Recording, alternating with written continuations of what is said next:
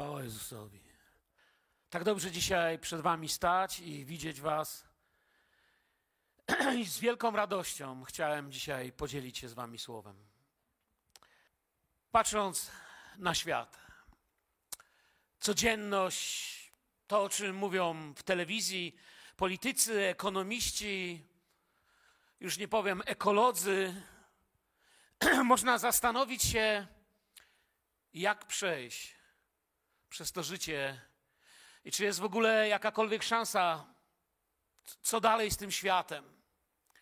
A może jeszcze bardziej boli, bo widzisz, jak ci, których kochasz, martwią się, boją się, przeżywają i się zastanawiają, dokąd cały ten bałagan w ogóle zmierza. I wierzę, że dzisiaj jest coś dla nich, dzisiaj jest coś na taki właśnie czas, dzisiaj jest coś dla Ciebie. Jeżeli Twoje oczy widzą to, o czym przed chwilą wspominałem. Bo trudno zaprzeczyć, że takie są fakty. tak zupełnie inaczej mówiąc, gdyby ktoś, gdyby była taka możliwość, zaprosił diabła na wywiad, jakiś dziennikarz, i zadawałby diabłu pytania, gdyby ktoś prowadził z nim taki wywiad i zapytał go, a jaki Twoim zdaniem powinien być Kościół, to myślę, że diabelska odpowiedź brzmiałaby, że Kościół początków XXI wieku powinien być słaby, wystraszony, bezsilny, samotny, gotowy do pertraktacji z białą flagą w dłoni i ślepy naprawdę. Ale guzik z jego marzeń. Bo widzę kościół, który wcale taki nie jest.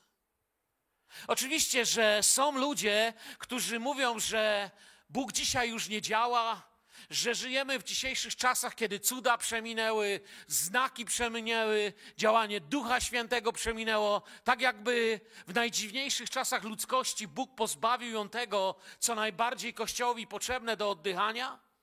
I powiem, że współczuję teologom czy kościołom, którzy muszą trwać w takiej nauce, że to wszystko przeminęło. Bardzo mnie dotyka taki cytat z kazania Spurgeona, który chciałem wam przeczytać. A mianowicie mówił on tak: To, że nie dostrzegacie rzeczy duchowych, jest prawdą, ale nie jest to dowód na to, że nie ma nikogo, kto je widzi. Cała sprawa jest podobna do sprawy Irlandczyka, który próbował podważyć dowody czterech świadków. Oni widzieli, jak on popełnia morderstwo. On zaprzeczył, że jest winny i chciał udowodnić swoją niewinność, przedstawiając 40 osób, które nie widziały, jak to robi. Jaki z tego pożytek? Dlatego, że 40 osób oświadcza, że nie ma mocy Ducha Świętego towarzyszącej głoszonemu słowu, jest to dowód jedynie tego, że owych 40 nie doświadczyło tego, co inni. Amen. A nie tego, że tego nie ma. Mamy dzisiaj dzień modlitwy i widzieliśmy się tu z wieloma z Was już dzisiaj, można rzec, przed świtem, wcześnie rano. Mamy czas modlitwy, by doświadczać Pana nie tylko teoretycznie. Otwórz, Panie, moje oczy dzisiaj. Zwróć swój wzrok na Jezusa, wzywa pieśń, a przez nią wierzę, że to jest taka pieśń pomazana Duchem Świętym. Wzywa to słowo: otwórz swoje oczy na Jezusa. Niewidzenie czegoś nie oznacza, że tego nie ma. Niewidzenie czegoś nie oznacza, że Bóg tego dla ciebie nie czyni. Niewidzenie tego nie oznacza, że Twoje zwycięstwo nie leży w Bożej dłoni, podawane dla Ciebie, kiedy będziesz Go uwielbiał. Bóg realizuje swój plan zbawienia z Kościołem i potwierdza to swoją obecnością i swoim działaniem. Oczywiście ja wiem, że my w naszych czasach jesteśmy duchowo bardzo często krótkowidzami, a niestety równie dramatycznie często wręcz ślepcami. I dlatego zwróć swój wzrok na Jezusa. Zwróć swój wzrok na Boga, który leczy najbardziej chore oczy na świecie. Oczy, które nie widzą Jego działania. Oto Chciałem przeczytać za chwilę szczęści dużo większej i głębszej historii, ale chcę zwrócić uwagę tylko na pewien fragment tej historii. Ona cała w sobie jest niezwykła i właściwie można by było tutaj z niej naprawdę dzielić się bardzo przepięknym przesłaniem Słowa Bożego. Lecz jak mówię, chciałem się skupić na rzeczywistości widzianej przez pryzmat modlitwy rzeczywistości widzianej przez pryzmat doświadczonego cudu w modlitwie, bo po to nas zbór skręcił w kierunku modlitwy. Po to te wszystkie rzeczy się dzieją, nie po to, żebyśmy pobożnie wyglądali, ale po to, abyśmy się mogli go dotykać i doświadczać go. Bez modlitwy moja rzeczywistość będzie żałosna. Już kiedyś mówiłem, że Kościół, w którym brakuje świadectw, to jest zdecydowanie Kościół, w którym brakuje albo modlitwy, albo wdzięczności. Bez modlitwy Twoja rzeczywistość, bez modlitwy Twoja codzienność, moja codzienność będzie tylko udręką i ślepą drogą do pokonywania kolejnych fal problemów z zastanawianiem się, która z nich wywróci mnie w końcu w te odmęty. W naszym słowie znajdujemy się w czasach Elizeusza. Jego poprzedni sługa, daje wam takie tło historii, w której teraz będziemy. Jego poprzedni sługa albo już umarł, albo gdzieś tam umiera na trąd, dlatego że dopuścił się absolutnej korupcji według Ducha Bożego. To się działo w czasie uzdrowienia Namana. Teraz przechodzimy do następnego, że tak powiem, współcześnie rozdziału, bo pamiętamy, że Słowo Boże Pan Bóg nie pisał rozdziałami. I teraz nowy sługa nie ma jeszcze doświadczenia wiary z prorokiem, a wokół robi się niewesoło. Wrogowie najeżdżają kraj, a oni właśnie są celem jednego z takich najazdów, są celem, a życie Elizeusza zostało wyznaczone do zlikwidowania przez wrogów. Ma zginąć i ma się więcej nie pojawić, ponieważ bardzo przeszkadza wrogom, gdyż ma wejrzenie w Boże serce, a Bóg wie co i kiedy i jak się stanie. Zatrzymują się w pewnym małym mieście, 16 kilometrów od Samarii. Spędzają tam noc, i tutaj się zaczynają te dwa wersety, które chciałbym przeczytać. Trzy, przepraszam. Druga Królewska, szósty rozdział, piętnasty, szesnasty, siedemnasty. A gdy wczesnym rankiem sługa męża Bożego wstał i chciał wyjść, oto miasto otaczało wojsko, konnica i wozy wojenne. Rzekł więc jego sługa do niego: Biada, panie mój, jak postąpimy? A on odpowiedział: Nie bój się, bo więcej jest tych, którzy są z nami, niż tych, którzy są z nimi. Elizeusz modlił się tymi słowy: Panie, otwórz jego oczy, aby przejrzał. I otworzył Pan oczy sługi i przejrzał. A oto góra pełna była koni i wozów ognistych wokół Elizeusza. Chwała Jezusowi. Tak bym chciał, gdy kiedykolwiek byłem, albo jeśli będę, w chwili dramatu, aby był koło mnie ktoś, kto zna na tyle blisko Pana, żeby nie mieć tylko słów krytyki, nie mieć tylko słów potępienia, ale mieć taką miłość modlitwy, aby wyciągnąć dłoni i powiedzieć: Panie, otwórz jego oczy, aby przejrzał, bo chciałbym zobaczyć to, co ma dla mnie Bóg a nie czarne myśli. Amen. Macie takie pragnienie? Sługa Elizeusza był jak ci z nas, którzy też już parę razy w życiu oglądali swój koniec. No ale okazało się, że jakoś się udało i to nie był jeszcze koniec. Żył w nieciekawych czasach, miał na pewno różne dziwne doświadczenia, tak jak wielu z nas czasami je ma. I dla niektórych z nas zderzenie z rzeczywistością było początkiem ten, to zderzenie z końcem było tak naprawdę początkiem zupełnie innego życia. Mam kilku przyjaciół, którzy przeżyli na przykład tragiczny wypadek samochodem. Kilku z nich, bo to nie jest jeden człowiek, pokazywało mi zdjęcia swojego samochodu, gdzie się nie dało nawet powiedzieć, jaka to była marka samochodu. Był tak zniszczony i wyszli z tego. I mówią mi, wiesz, tamtego dnia, kiedy przyjechał policjant i przyglądał się mi i moim pasażerom, kiedy przyjechała policja i patrzyli na mnie, zrozumiałem, że doszedłem do mojego końca. Zrozumiałem, że to jest miejsce, gdzie właściwie mógłbym powiedzieć, że, już, że jest grób mojego wczorajszego dnia i gdzie jest miejsce narodzenia mojego nowego dzisiaj. Dobijając do końca, otoczeni modlitwą i Bożym błogosławieństwem, otwierali swoje oczy na to, kim jest Pan. Taki czas końca miał na przykład Eliasz. Nie będziemy z tego czytać, ale znajdziecie to chwilę wcześniej w pierwszej księdze królewskiej. I w tej swojej rezygnacji siedzi biedak sam. Z pewnością, jeśli ktoś doświadcza tak głębokiego smutku i depresji, nie śpi po nocach, przysypia w dzień, płacze, doświadcza lęków, doświadcza niezrozumienia, i wtedy dobiega go głos tego, który go najbardziej kocha, tego, któremu służył, tego, któremu wydaje, wydawało mu się, że gdzieś został jakby samotny z wszystkim, co niesie. Eliaszu, co ty tutaj robisz? I pośród całej rozpaczy widzi coś strasznego i mówi o tym Bogu. Opowiada mu o swoim dramacie, mówi: Panie, bo sprawa wygląda tak. Pozostałem tylko ja sam. Lecz i tak nastają na moje życie. Już tylko ja. Już nie ma zdrowego proroctwa, już nie ma zdrowego Bożego człowieka, już tylko ja jeden zostałem. To jakim w takim stanie, kimże mam być? Może doświadczył tego wtedy, gdy pokonał setki proroków Baala i innych bóstw. I wszyscy mówią, nie powinien tego doświadczać, no bo przecież takie zwycięstwo. Ale w tym samym czasie był tam też sam jeden.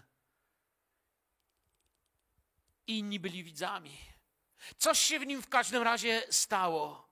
I wtedy Bóg odpowiada do niego w tym jego dniu końca, w tym jego dniu zderzenia ze ścianą rzeczywistości.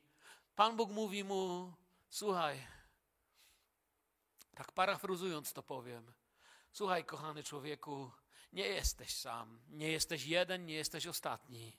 Ja mam jeszcze siedem tysięcy takich jak ty.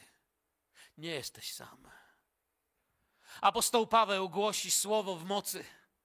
Jest pionierem nowego kościoła, rozwijającego się, świeżego, Bożego, pełnego Ducha Świętego, idącego przez świat z dobrą nowiną ale dochodzi do takiego miejsca, kiedy zwiastowanie Pawła zostaje odrzucone. Kiedy gdzieś w serce zaczyna skradać się samotność i również otrzymuje podobne słowo, które otwiera jego duchowe możliwości. Bóg wie, że jego ukochany sługa Paweł musi to zobaczyć. I dlatego do niego i do nas mówi w dziejach apostolskich 18, 9. I rzekł Pan do Pawła w nocnym widzeniu: Nie bój się, lecz mów i nie milcz, bo ja jestem z Tobą i nikt nie, się nie targnie na Ciebie, aby Ci uczynić coś złego. Mam bowiem wiele ludu w tym mieście. Bóg wie, co przeżywa. Nie bój się. Bóg wie, że Paweł wie, kim on jest. Jestem z Tobą. I Bóg wie, co trzeba na pokrzepienie serca Pawła. Mam wiele ludu. Nie jesteś sam. W każdym wypadku spotkanie z Bożym Słowem i Jego rzeczywistością zmienia wszystko. Dlatego właśnie utworzyliśmy takie środy, jak te wyjątkowe środy, których doświadczamy. Dlatego właśnie utworzyliśmy takie dni, kiedy trwa modlitwa, kiedy trwa czasem tylko modlitwa, czasem pozni modlitwa. W każdym razie, kiedy zbieramy się przed Panem by wielu z nas, bracia, siostry, by wielu z nas w Filadelfii doświadczało rzeczywistości, która zmienia wszystko, duchowej rzeczywistości zmieniającej wszystko. Wasz Bóg, mój Bóg, nasz Pan Jezus, On żyje, On jest mocen, On działa i czyni cuda. Amen. Kościół na pewno będzie miał takich ludzi jak ten sługa którzy widzą i tego, co widzą, boją się. Jeśli jesteś tym, który widzi i tego, co widzi, lęka się, wierzę, że dzisiaj słowo Pana jest proroczym słowem dla ciebie. Każdy kościół będzie miał ludzi, którzy jak ten sługa patrzą i nie wiedzą właściwie co dalej, co zrobić. To przerasta wszystko, co znają i nie widać, żeby właściwie było na to jakieś wyjście. Kościół zdecydowanie, na pewno w takich chwilach Posłuchajcie, co chcę powiedzieć. Zdecydowanie, na pewno w takich chwilach potrzebuje takich ludzi jak Eliasz, którzy nie boją się wstać, którzy nie boją się klęknąć, którzy nie boją się stawić przed obliczem Bożym, którzy mają coś więcej niż słowa oceny czyjegoś stanu, którzy mają coś więcej niż słowa krytyki, że taki czy inny człowiek, wspólnota, czy, czy grupa ludzi, czy, czy, czy rodzina doświadcza tego, no bo, bo ja zjadłem wszystkie mądrości, im powiem czemu. Potrzebujemy ludzi jak Eliasz, którzy mają modlitwę, na którą jest Boża odpowiedź. Każdy kościół potrzebuje takich ludzi. Zdecydowanie są dziś ludzie, którzy widzą, jak wygląda sytuacja, i zdecydowanie potrzebujemy ludzi, którzy widzą, jak to jest naprawdę. Nie to, co mówi telewizja, nie to, co mówią fakty, na które się tym ludzkim okiem patrzy na ten świat. Bo tej rzeczywistości nawet fakty przestają być faktami, bo faktem jest Jego rzeczywistość. Ludzi, którzy widzą taką prawdę. Jakie to jest dla mnie piękne, jakie to jest dla mnie pouczające dla nas, jako dla wspólnoty Pana Jezusa Chrystusa w tym mieście. Elizeusz nie mówi mu, jak nie zobaczysz, to pomocy nie będzie. Wysil się, kopie, uwierz i zobacz. Nie widzę. No widzisz, no taka cała twoja wiara. Mój sługa pochodzi z kościoła, w którym nie ma wiary. On do niego tak nie mówi. Nie krytykuje, nie ocenia. Wiecie dlaczego? Bo nasze niewidzenie czegoś nie zmieni ani Bożego planu. Nasze niewidzenie czegoś nie zmieni Bożej rzeczywistości, ale może zmienić kierunek naszego życia z pielgrzymki w ewakuację. Może sprawić Twoje niewidzenie, że widząc to, co nieprawdziwe według Bożego Słowa, zaczniesz uciekać, uciszać się, ewakuować. Zaczniesz w panice porzucać swoje obdarowanie w Duchu Świętym. Zaczniesz w panice porzucać to, czym Bóg dotknął cię dawno temu, bo to, co widzisz, jest przerażające i zamienia się rzeczywistość w ewakuację. Chrześcijaństwo staje się chrześcijaństwem ucieczki, a kiedy jego braknie, to myśli wracają do butelki, do innych rozrywek, do jakiegoś uciszenia mózgu wobec dramatu, który się dzieje. Jakże często dzisiaj znowu słyszę głosy kochających Boga ludzi, którzy mówią, że są sami. Brzmią czasem jak Eliasz, Czują się czasem jak Paweł. Czasami w tym gniewie, w, tym, w tej bezsilności i swoim strachu, udając swoją radykalność i wiarę, publicznie, czy to w internecie, czy po kościołach, krytykują, chcą stać się radykalnym głosem kościoła, ale nie da się zasłonić duchowych rzeczy. Po prostu widać, że dawno nie widzieli kościoła z perspektywy Boga.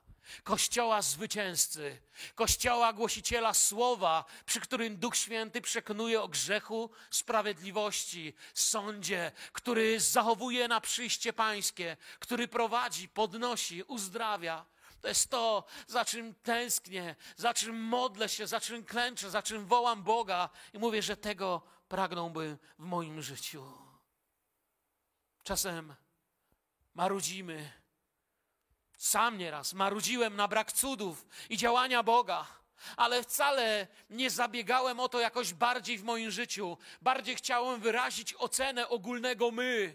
Tak się lepiej czułem, wiecie, bo dzisiaj, kiedyś to był Kościół z dziejów apostolskich. Dzisiaj nie ma tego, tamtego. Tak się fajnie narzeka. Zawsze, kiedy słyszę, jak ktoś tak mówi, najczęściej patrzę na człowieka, który nie spróbował sam się o to starać, bo ci, którzy spróbowali, w ogóle już tego nie mówią. Oni wiedzą, że każdy cud jest u Boga. I oni chcą być tymi, którzy dotkną się Boga i przez których tego cudu doświadczą inni. Przyzwyczailiśmy się do polityki, która nauczyła nas, że zawsze winni są jacyś tam oni.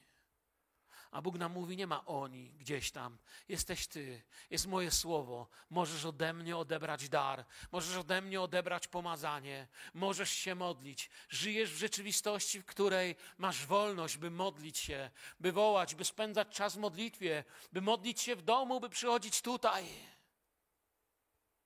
W tamtym czasie to były wojska nieba, które ujrzał sługa zobaczył niebiańską armię i koniec mógł być tylko jeden. Dzisiaj mamy jeszcze potężniejszego pomocnika, pocieszyciela, Ducha Świętego, danemu Kościołowi. Przez niego Kościół mógł iść jeszcze dalej.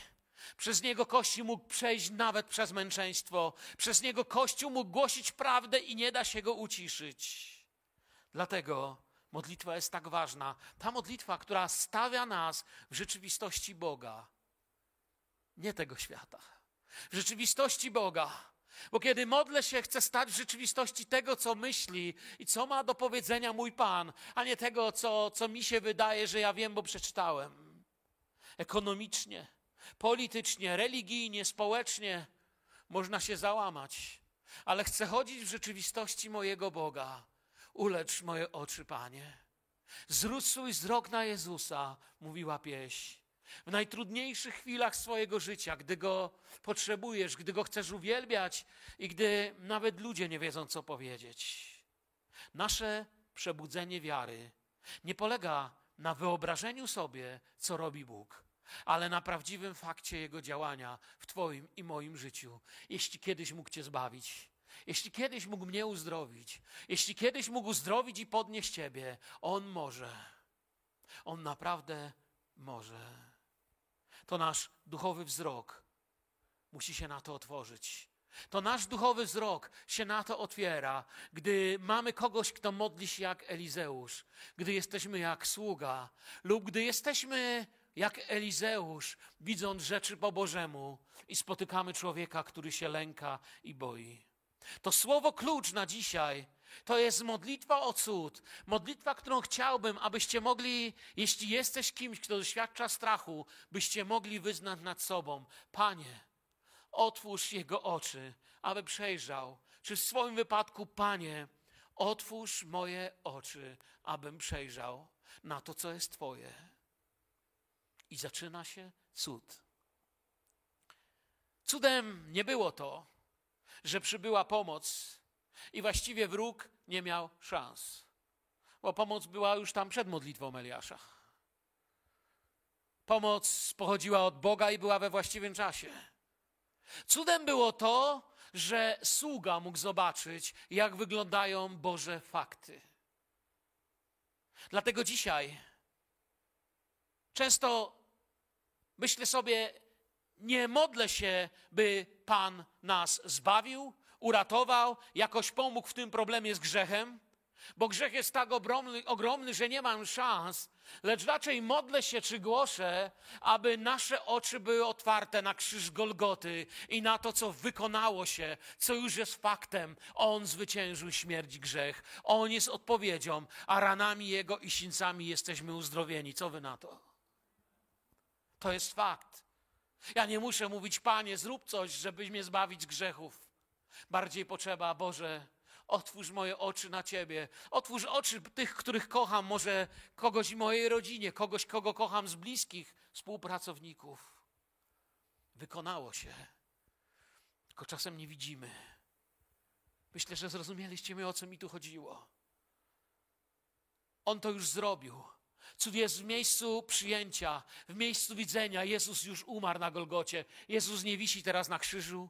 Jezus nie jest w grobie. Jezus żyje, zmartwychwstał. Powiedział, że nie zostawi nas sierotami. Powiedział, że będzie o nas dbał że będziemy mogli w Jego imieniu modlić się i doświadczać. To się stało. I kiedy o to proszę i mówię, Panie, podnieś mnie, uratuj mnie, to bardziej proszę się, proszę Jego, mojego Pana, bym oczami mej wiary zobaczył, co ma Bóg dla mnie. Elizeusz nie modlił się, aby przybyła pomoc. Modlił się, aby tak jak ja i ty tego potrzebujemy, aby tak też jego sługa oglądał fakty, aby zobaczył fakty, fakty nad faktami. On jest królem królów, jest panem panów i ma fakty nad faktami, większe niż to, co widać fizycznym okiem. Przez chwilę Elizeusz i sługa nie byli jedno. Przez chwilę stali w dwóch różnych światach i w dwóch różnych rzeczywistościach. W rzeczywistości wiary i, i lęku. W rzeczywistości spokoju i niepokoju. Świat jednego to Boże plany, świat drugiego to koniec całej przygody. Rzeczywistość Elizeusza to był jego Pan. I to jest to, do czego jako Kościół jesteśmy powoływani. Rzeczywistość sługi to bliski wniosek. Bóg się zmienił, chyba już nie działa. Było do tej pory fajnie, nawet siekierę z wody wyciągaliśmy. Było do tej pory fajnie, coś tam jeszcze robiliśmy. Ale teraz nie widzę, żeby znowu Bóg działał. A więc prawdopodobnie, gdzie mam jakąś białą szmatę i kija. I wtedy, gdy modliłem się nad tym słowem, zaczęła w moim sercu grać pieśń, którą puściliśmy dzisiaj sobie, kiedy wracaliśmy z porannej modlitwy z moją żoną. Nawet kiedy nie widzę, to wy wiecie, co się dzieje. Nawet kiedy nie widzę, to co? On działa. Nawet kiedy nie widzę, Ty działasz. Nie muszę widzieć, ja wiem, że Ty działasz. Jesteś moim Panem, moim Bogiem. Rzymian 8, 28 jest dla mnie prawdą, bo Cię kocham. A tam jest napisane, że Bóg współdziała ku dobremu z wszystkimi, którzy Go miłują. I to jest to, co ja wiem na pewno, że kocham mojego Pana. Wiem, że popełniam błędy. Wiem, że się mylę, ale wiem, że Go miłuję i wiem, że mogę oglądać i będę oglądał Jego działanie. Bóg pokazuje nam w tym fragmencie, że chętnie otwiera oczy na Jego rzeczywistość, że jest Bogiem, który otwiera oczy na swoją rzeczywistość, jeśli się Go tylko o to poprosi. Sługa przed modlitwą widział rzeczywistość, czy ziemskie fakty, czyli rzeczywistość otoczoną złem z każdej strony, gdzie nie spojrzeć, to klęska. Gdzie nie spojrzeć, to strach. Po modlitwie zobaczył to, co chyba najpiękniej, lepiej niż swoimi słowami, możemy wyrazić słowami Nowego Testamentu. Powoli, wchłaniając jak uzdrowień, jak lekarstwo, jak, jak jakąś maść na serce te wersety z 1 Jana 4,4. Wy z Boga jesteście dzieci, i wy ich zwyciężyliście, gdyż ten, który jest w was, większy jest, aniżeli ten, który jest na świecie. Ci z nas, którzy w to uwierzyli, powinni wspierać tych, którzy się zmagają w jakiejś burzy z tą wiarą. Ci, którzy z nas to uwierzyli, mają świadectwo tego, że rzeczywiście tak jest. Z Niego jesteśmy, bo bez Niego nic nie możemy. Z Niego jesteśmy, bo gdyby Ojciec nie pociągnął, to mogę od siebie powiedzieć, i wołami by nie pociągnął nas do Niego nikt. Z Niego jesteśmy, bo zwyciężyliśmy. Nie zwyciężyliśmy z siebie, ale z Niego, gdyż ten, który jest w Was, który obiecał nam mieszkanie w sobie, większy jest, aniżeli ten, który jest na świecie i któremu się wydaje, że zjadł wszystkie rozumy. Gdy widzimy wielkość zła na świecie i jego władzę, to jest czas na taką modlitwę. Gdy patrzysz na to, co się wyrabia, to jest czas na taką modlitwę. Gdy widzimy, że Bóg jakby nie działa ostatnio, a właściwie wszystko wygląda gorzej w moim życiu, to jest czas na ogłoszenie świętego postu i taką właśnie modlitwę. Jezus mówił, że nie zostawi nas. My widzimy coś innego to czas na taką właśnie modlitwę. Nie zostawię was sierotami, ale ja widzę co innego. To czas na taką właśnie modlitwę. Otwarcie oczu naprawdę to duchowa sprawa. Nie kwestia słów, ale kwestia mocy. Kwestia tego, że Duch Święty, że Bóg chce, by nasze oczy były otwarte. Elizeusz nie próbował stanąć i próbować przekonywać sługi do czegoś, czego według niego nie ma. Słuchaj, sługo, Nie powiedział Elizeusz tak, dam ci pięć kroków do apologetyki o tym, że tej armii tu wcale nie ma. Gdyby się ich nawet nauczył na pamięć, ta armia dalej tam była. Ta zła, mam na myśli. Nie próbował go jakoś przekonywać uczonymi słowami mądrości o tym, że tej armii nie ma, albo że z jakiegoś dziwnego powodu pójdzie sobie ta armia do domu. Elizeusz nie próbował przekonywać sługi do czegoś, czego według niego nie ma. Zaczął się modlić i modlitwa Elizeusza przyniosła zmianę. Nie zmienimy się tym, że będziemy o sobie źle mówić publicznie lub tajemnicy. Nie zmienimy siebie w Polsce tym, że będziemy się za plecami krytykować i oceniać. Nie zmienimy siebie tym, że będziemy wylewać na siebie kubły pomy i żółci obmówień. Nie zmienimy siebie tym, że będziemy kogoś tak napominać. Cie niektórzy mają taki dar napominania, że z butów człowieka może wyrwać. I nie wiesz, gdzie się pozbierać z tego napomnienia. Tym się świat nie zmieni.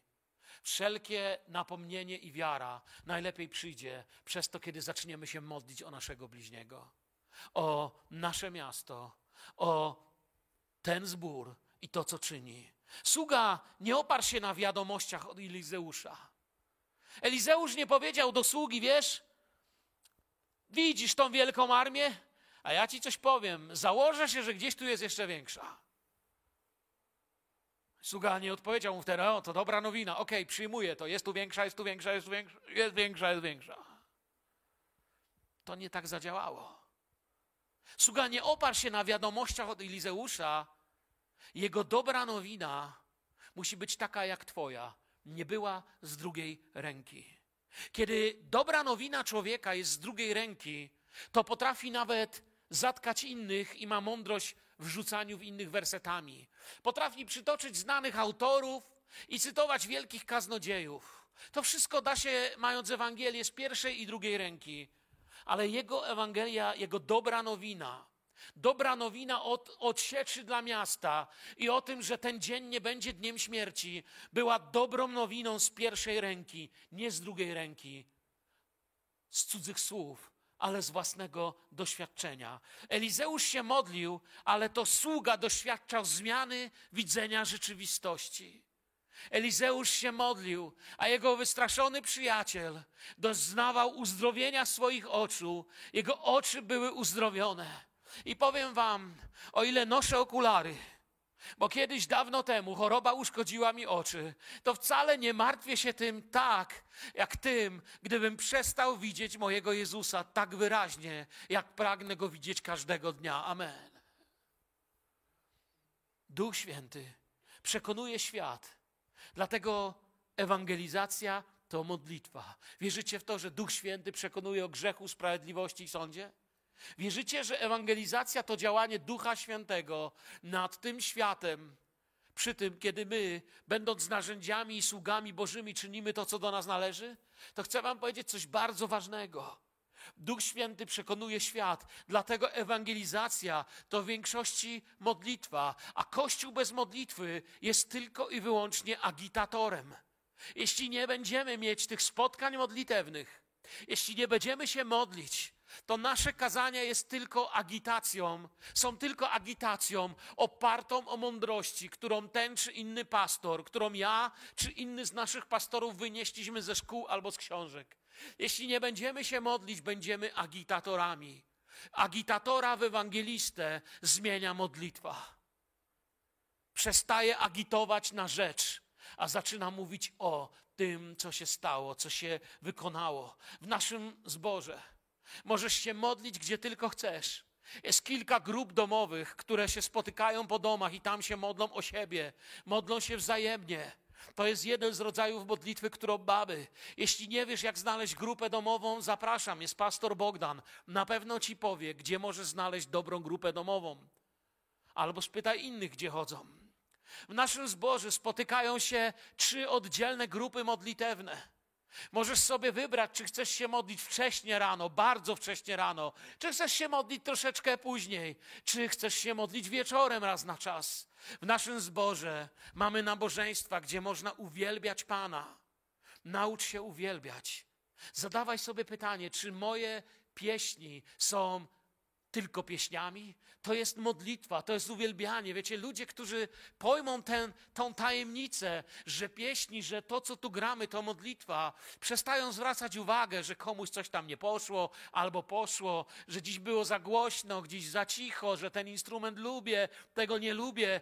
Egoista jest łatwo urażyć, ale człowieka, który rozpływa się w Bożej obecności, to choćby, nie wiem, była pieśń z najtrudniejszym tekstem, z najtrudniejszą muzyką i stwierdziłbyś, ludzie, ja nawet nie wiem, jak do tego zaśpiewać, to zamkniesz oczy i będziesz wchłaniał jej treść, będziesz uwielbiał Pana swoim sercem, będziesz połączony z Panem, jak twój telefon z internetem jest połączony cały czas. Ty teraz tu siedzisz, a on w twojej kieszeni właśnie maile sprawdza i pogodę ma i wszystko, on wie, co się dzieje. On już wie, ty jeszcze nie wiesz, bo go nie wiecie. On jest podłączony do internetu. Ty będziesz podłączony do Pana w każdych okolicznościach modlitewnych naszej rzeczywistości. Mamy wolność, mamy grupy modlitewne, mamy swoje życie modlitewne. Masz w domu Biblię. Możesz się nauczyć modlić za pomocą Słowa Bożego, za pomocą pieśni, a nawet w czasie, kiedy mamy posty i modlitwę, modlić się tą modlitwą ciszy, przemieniającą człowieka o poranku badają, poddającą się, gdzie się człowiek poddaje badaniu Ducha Świętego, kiedy jego serce jest badane i Pan może go czynić tym, czym ten człowiek ma być. Ale zdecydowanie modlitwa to początek ewangelizacji. To początek otwierania się oczu. To, że wzrastały Wiecie, to, że wzrastamy w Poznaniu, tak to powiem, nie przeszkadza diabłu, dopóki nie zaczniemy się modlić i upodabniać do Jezusa.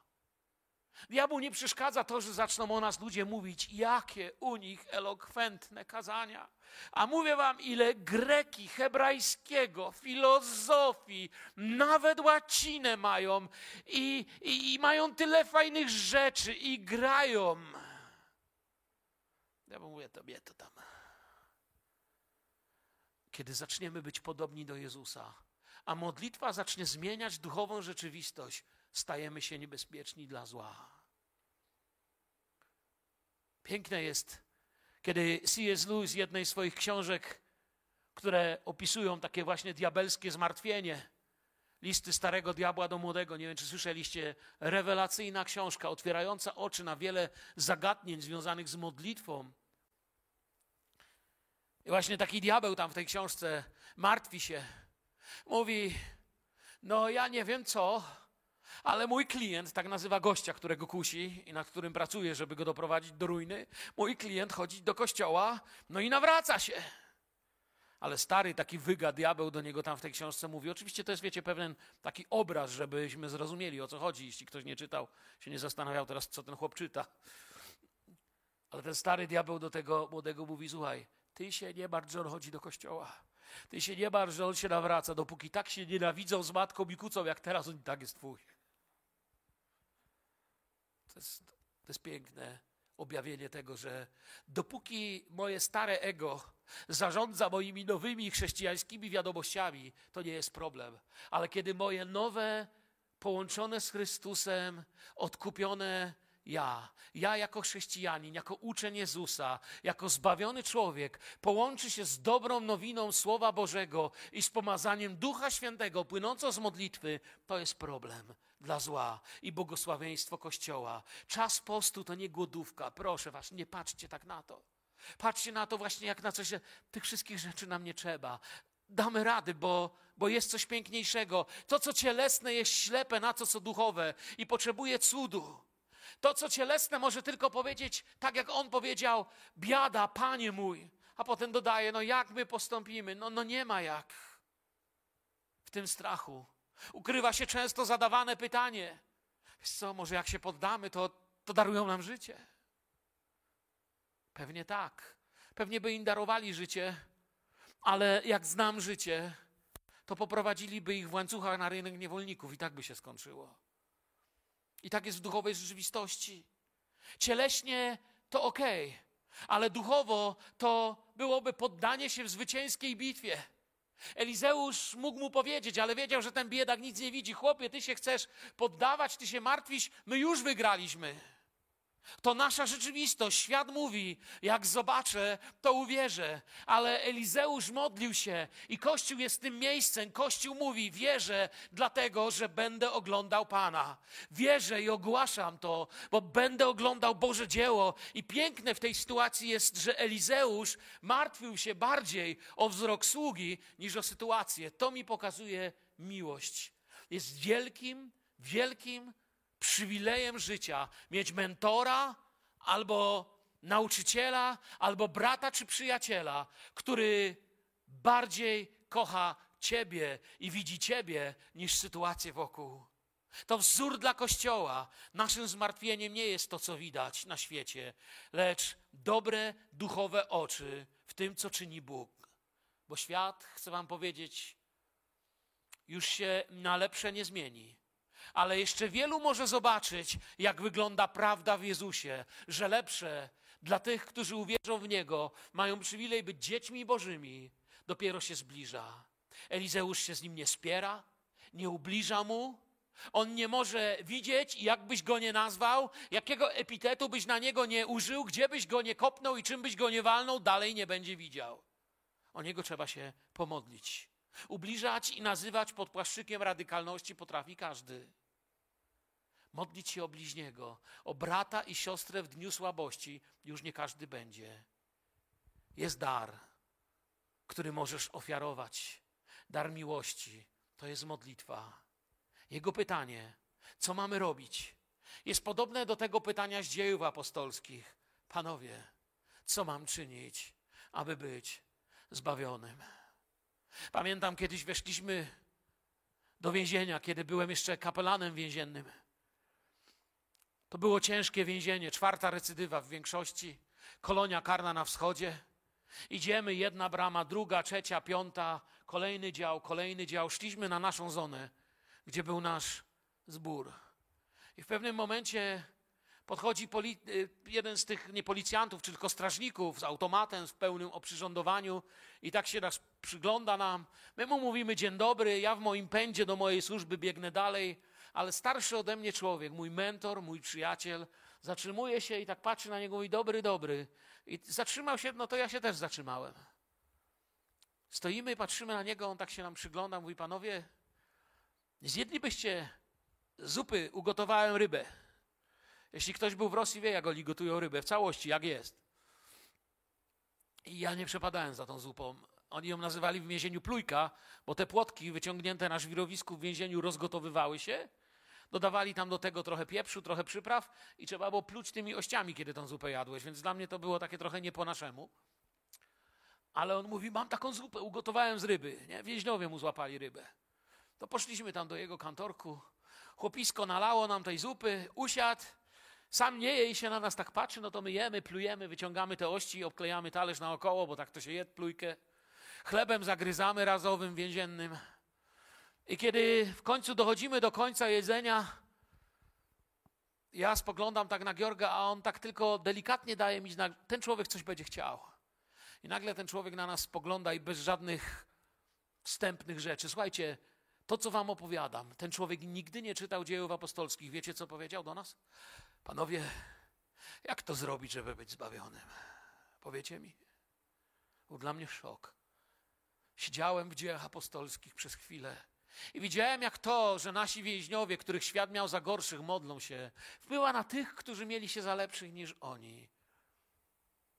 Panowie, co mamy czynić, by być zbawionym? To piękny czas na zmianę. Świat nie usunie naszego strachu, tylko Bóg może dać wzrok, którego efektem pośród łez będzie wniosek: zaufałem i już nie będę się bał. I kończąc powoli, zanim się będziemy modlić, Twoja dusza odpocznie i nabierzesz oddechu i zaczniesz w dzień uśmiechać się do ludzi. Zaczniesz już uprzejmy, bo to przychodzi z Duchem Świętym. Zaczniesz być łagodny, bo to przychodzi z Duchem Świętym. Zacznie się wiele niezwykłych rzeczy, a więc pójdziesz, zaczniesz się uśmiechać do ludzi. Będziesz kim wyjątkowym w modlitwie, a oni zaczną się ciebie pytać, co się stało. A ty powiesz tak: była u nas modlitwa i wiecie, co się stało? Siedzieliśmy w naszej sali. Coś szumiało, świeciło światło. Pastor mówił swoje kazanie, ale wiecie, co się stało tamtego dnia? Śpiewam o nim do dziś pieśni. Tamtego dnia mój Pan przyszedł właśnie do mnie.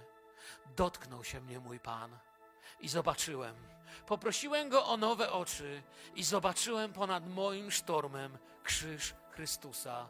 Zobaczyłem krzyż, na którym osiągnięto zwycięstwo nad wszystkim, czego się bałem, przez co nie spałem, przez co warczałem na innych ludzi, przez, to, przez co gniewnie krzyczałem, przez co ścierało się moje życie i donikąd prowadziło. Opowiem Ci o Jezusie, który otworzył moje oczy. Czy to Twoje świadectwo? Jeśli to jest Twoje świadectwo, to należysz do najszczęśliwszych ludzi na świecie. Jeśli to nie jest Twoje świadectwo, nie dziwię się, że się boisz. Jeżeli potrzebujesz dziś modlitwy, aby się pomodlić o Ciebie, nie będziemy do nikogo podchodzić, nikogo o nic pytać. Nikt nie podejdzie, żeby Cię objąć, żeby z Tobą coś tam po cichu rozmawiać. Wszystko, co zrobimy dla tych, którzy staną tu z przodu, to ci z nas, którzy dziś mają dobry dzień i żadnego sztormu, wyciągniemy nasze dłonie w Twoim kierunku i będziemy się modlić, bo nam zależy, bo kochamy siebie wzajemnie. Amen. Bo chcemy, żeby się otwierały oczy ludzi, bo chcemy, żebyś zobaczył i najpierw zobaczysz krzyż, potem zdasz sobie sprawę z pustego gro grobu. Potem dochodzi do tej świadomości, że wykonało się i pójdziesz dziś do domu bez strachu, bo już nie musisz się bać. On działa.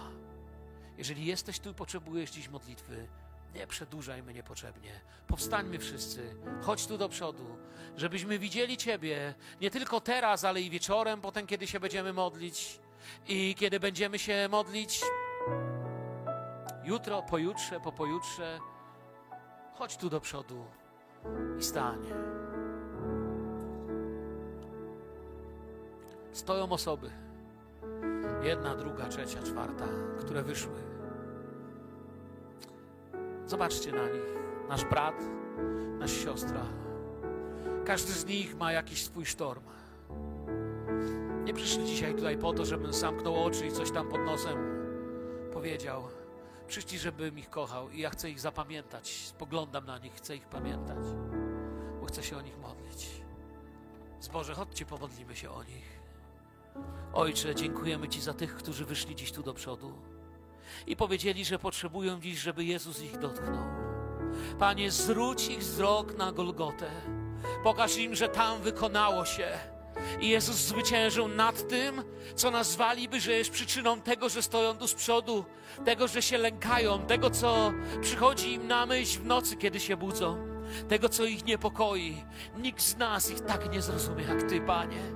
I przynosimy Ci ich dzisiaj w modlitwie pełnej miłości pełnej współczucia. Panie, prosimy Ciebie, aby spośród tych, którzy tu stoją, wypłynęło wielkie świadectwo wiary dla Kościoła w naszym kraju, w naszym mieście, dla naszego własnego. Dziękuję Ci, że nie, już nie będę się bał, już nie będę się lękał. Jezus zwyciężył, bo tak mówi Słowo Boże. I wyznam moje grzechy i wyznam mojego Pana jako króla, zbawiciela i tego, który bierze moje życie, aby mnie poprowadzić nową drogą. Panie, przychodzę dziś do Ciebie z tymi, którzy tutaj stoją z przodu i wyznaję, że bez Ciebie nic nie możemy uczynić. Tobie nasza siła i nasza nadzieja. Poprowadź ich dzisiaj w Duchu Świętym, w sile tych, no, tego, no, tych nowych oczu do domu, aby oglądali. Jezus to już zwyciężył. Jezus to już zabrał. Jezus ma już na to odpowiedź. Jezus Ci dzisiaj wybacza. Jezus Cię dzisiaj chce prowadzić, bo tak mówi prawdomówny Bóg w swoim słowie. Amen.